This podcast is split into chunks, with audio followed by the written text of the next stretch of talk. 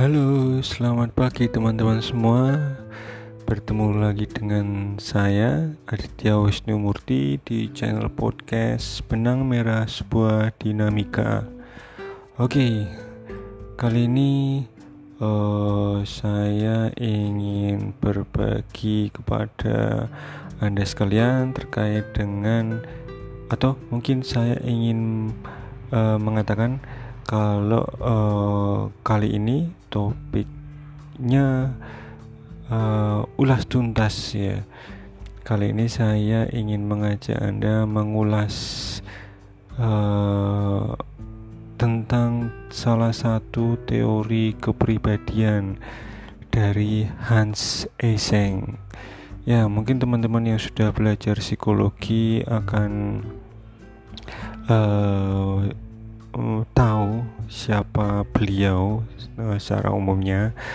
Uh, kalau uh, teman-teman yang non psikologi uh, mendengarkan ini cukup uh, akan membosankan karena saya akan membahas tentang teori uh, teori pembentukan kepribadian. Ya uh, terkait dengan pembentukan kepribadian berarti kita akan bahas teori-teori ya cukup membosankan bukan? Tapi ya uh, jika anda ingin mendengarkan uh, ada bagusnya karena di situ kita akan bisa melihat bagaimana teori tentang kepribadian dibangun oleh salah satu ahli uh, kepribadian seperti itu. Jadi uh, ya kita mulai saja dalam beberapa detik Oke, kembali lagi bersama saya Aditya Wisnumurti.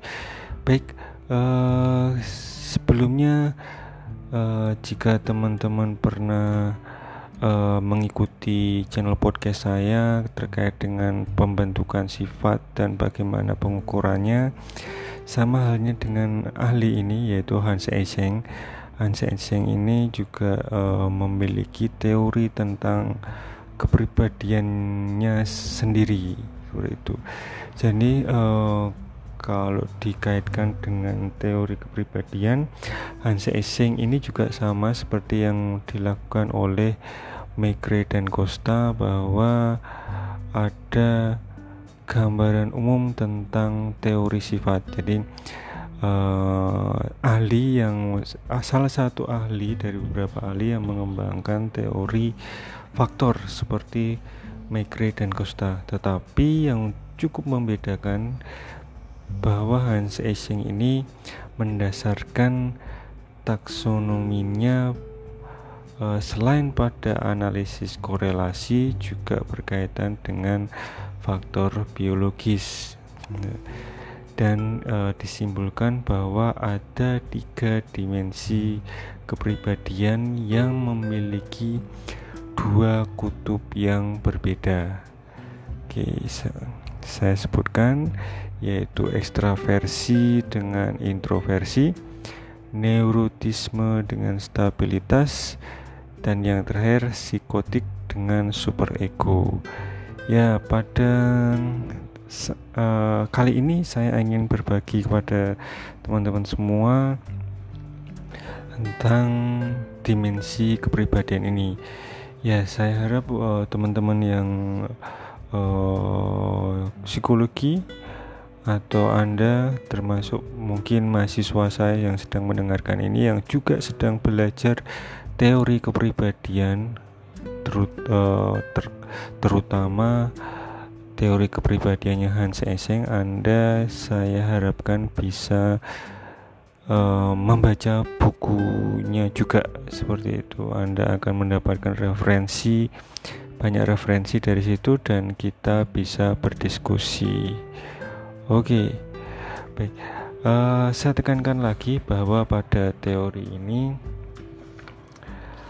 uh, itu mempunyai komponen biologis dan psikometris yang kuat pastinya. Sama hal sama halnya dengan uh, teorinya Megre dan Costa bahwa uh, tidak hanya bahwa psikometri itu penting dalam uh, menentukan sifat atau sifat atau disposisi pada seorang. Tetapi Hans Eysenck mengatakan bahwa tidak cukup hanya mengukur struktur kepribadian dan dimensi kepribadian dengan analisis faktor saja.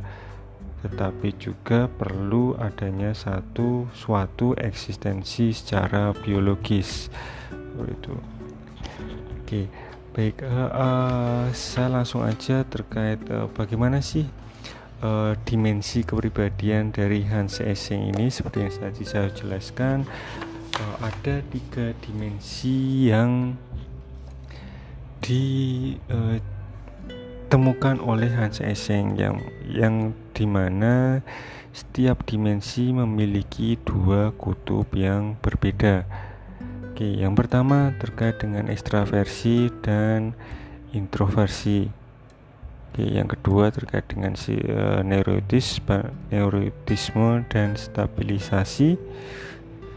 Dan yang ketiga adalah psikotik dan superego. Oke, masing-masing memiliki istilahnya struktur hierarki ya struktur hierarki yang uh, nantinya kalau dia berdasar dari teorinya ya, Enseng ini akan membentuk atau uh, ditemukanlah sifat ya, sifat kemudian kebiasaan dan uh, perilaku spesifik. Karena uh, dari teorinya ini di teorinya Ising ini menyatakan bahwa akan uh, suatu perilaku atau perilaku spesifik itu muncul dari sebuah kebiasaan. Gitu ya.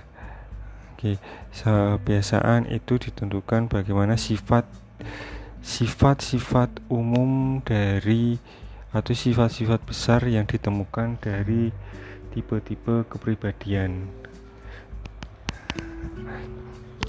Uh, ya tiga yang tadi saya katakan ada tiga ini ya. Tiga dimensi kayak gitu. Oke dimensi yang pertama yaitu terkait dengan ekstraversi. Ya oke uh, kita tahu kalau uh, mungkin teman-teman yang belum tahu uh, bahwa uh, konsep ekstrovert introvert itu sebenarnya ya, konsep yang pertama kali dicetuskan oleh Carl Jung. Ya gitu ya. Nah kemudian uh, ada uh, ahli-ahli selanjutnya mencoba untuk memodifikasi atau mengembangkan konsep ini. Nah salah satunya Iseng gitu ya. Uh, konsep yang dimiliki Iseng ini uh, lebih dekat dengan uh, penggunaan uh, populer. Jadi orang yang extrovert itu mempunyai karakteristik karakteristik utama eh, kemampuan bersosialisasi, sifat impulsif, senang bercanda, penuh gairah, optimis, cepat berpikir, yang intinya mengindikasikan orang yang menghargai hubungan mereka dengan orang lain. Dan orang introvert karakteristik, karakteristik sifat yang berkebalikan dengan dari mereka yang ekstrovert dideskripsikan sebagai pendiam, pasif, tidak terlalu bersosialisasi, hati-hati, tertutup, penuh perhatian, pesimis, damai, tenang, dan terkontrol. Oke, uh, uh, sebagai dasar teorinya bahwa Eseng ini uh, terkait ekstrovert dan introvert itu sebenarnya bukan terletak pada perilakunya tetapi pada sifat dasar dan sifat dasar biologis dan genetiknya.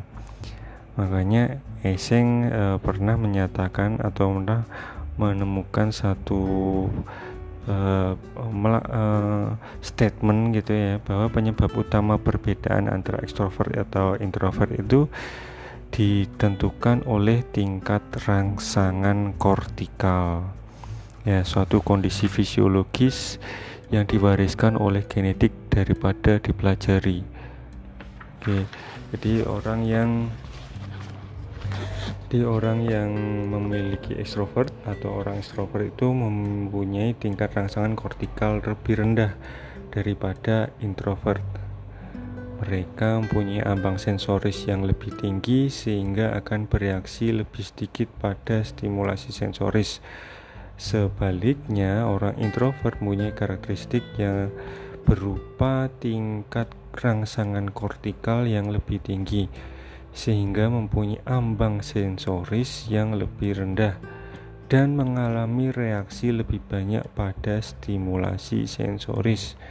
Oke, untuk mempertahankan tingkat stimulasi yang optimal, orang introvert itu memiliki ambang sensoris bawaan yang rendah. Oke, sehingga menghindari situasi yang menyebabkan ketegangan terlalu tinggi. Ya, ingat menghindari. Jadi orang-orang introvert itu menghindari aktivitas-aktivitas yang justru uh, merangsang kortikolnya ya atau merangsang bagaimana mereka perlu uh, aktivitas yang justru harus lebih tenang, damai, membutuhkan uh, fokus kayak gitu ya. Nah, sebaliknya orang ekstrovert itu membutuhkan stimulasi sensoris yang tinggi untuk mempertahankan tingkat stimulasi optimal karena mereka biasanya mempunyai tingkat rangsangan kortikal yang rendah. Oleh karena itu, orang ekstrovert itu berpartisipasi dalam beragam aktivitas yang merangsang atau yang menantang ya. Kayak gitu. Nah, selain itu, uh, Esing juga mengatakan bahwa uh, atau memiliki hipotesis bahwa orang ekstrovert itu akan terlibat dalam pengalaman berhubungan seks yang lebih dini dan lebih sering melibatkan lebih banyak partner yang beragam dalam posisi yang bervariasi dengan perilaku seksual yang lebih beragam. Oke. Tapi orang ekstrovert itu juga punya tingkat rangsang kortikal kortikal yang lebih rendah dan reaksinya uh, akan makin berkurang pada stimulus yang sama jadi e, mereka lebih cepat terbiasa dengan stimulus yang kuat dan reaksinya makin berkurang pada stimulus yang sama sebaliknya orang introvert lebih jarang menjadi bosan atau tidak tertarik pada aktivitas rutin yang dilakukan oleh orang yang sama. Nah, ini ya dinamikanya. Mungkin teman-teman uh, harus uh, dibaca lagi dinamika antara orang extrovert dengan orang introvert yang dikemukakan oleh Eseng yang dikaitkan dengan uh, aspek fisiologis berupa kortikol ya atau istilahnya rangsangan tingkat rangsangan kortikal biasanya itu pada otak ya kalau nggak salah seperti itu oke. Selanjutnya dimensi yang kedua adalah berhubungan dengan neurotisme. Ya, konsep neurotisme ini uh, cukup kuat uh, istilahnya komponen hereditasnya. Bahwa uh, Eising sendiri menyatakan bahwa beberapa penelitian menemukan bukti dari dasar genetis untuk sifat neurotik seperti cemas, histeris, gangguan obsesif dan kompulsif. Selain itu, uh, ia menemukan Hessing menemukan kesamaan yang lebih besar di antara pasangan kembar identik daripada kembar aternal dalam jumlah perilaku antisosial dan asosial. Jadi orang yang mempunyai skor tinggi dalam neurotisme mempunyai kecenderungan untuk bereaksi berlebihan secara emosional dan mempunyai kesulitan untuk kembali ke kondisi normal setelah terstimulasi secara emosional. Jadi mereka sering mengeluh gejala fisik uh, serta mempunyai masalah psikologis yang ambigu atau kabur seperti khawatir, cemas, cemas kayak gitu. Akan tapi uh, neurotisme ini dari teorinya Eseng itu tidak selalu mengindikasikan suatu uh, diagnosis gangguan neurosis kayak gitu ya Ya, orang dapat saja punya skor tinggi dalam neurotisme, tetapi bisa saja terbebas dari gejala psikologis yang bersifat menghambat. Ya, ini yang diperhatikan. Orang-orang memiliki uh, ciri khas atau sifat uh, neurotis dari tipe neurotis itu belum tentu orang yang memiliki uh, gangguan kejiwaan atau gangguan psikologis atau ya gejala psikologis yang terhambat.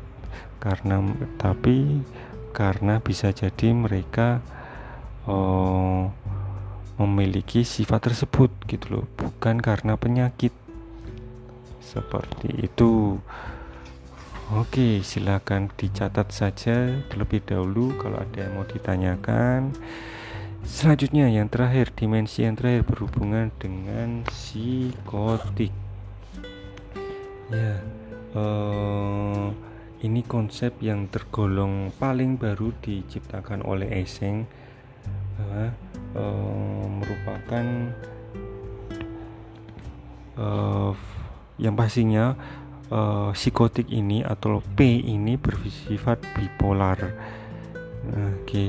yang uh, satunya psikotik uh, kutub lain itu uh, super ego jadi seperti ini uh, orang dengan skor P tinggi atau psikotik tinggi biasanya uh, egosentris dingin tidak menyesuaikan diri impulsif kejam agresif curiga psikopatik dan antisosial. Sedangkan orang yang dengan skor psikotik yang rendah itu mengarah pastinya pada fungsi super ego. Ya fungsi super ego itu berhubungan dengan norma masyarakat berarti altruis mudah bersosialisasi empati peduli kooperatif eh, konvensional mudah menyesuaikan diri. Uh, uh, uh, saya rasa seperti itu yang bisa saya sampaikan. Uh, jadi ini semacam uh, kalau uh, dimensi ini bersifat kutub berarti bisa digambarkan uh, ada skema tiga dimensi yang menggambarkan skor individual kayak gitu kan. Pertemuan mendatang atau topik selanjutnya kita saya akan kembali melanjutkan uh, teori kepribadian dari Eseng terkait dengan mengukur kepribadian dan bagaimana uh, penelitian ya penelitian terkait dari teori Eseng ini. Oke, baik terima kasih atas waktunya untuk mendengarkan celoteh saya. Uh, tetap belajar, tetap sehat uh, jangan lupa untuk selalu belajar.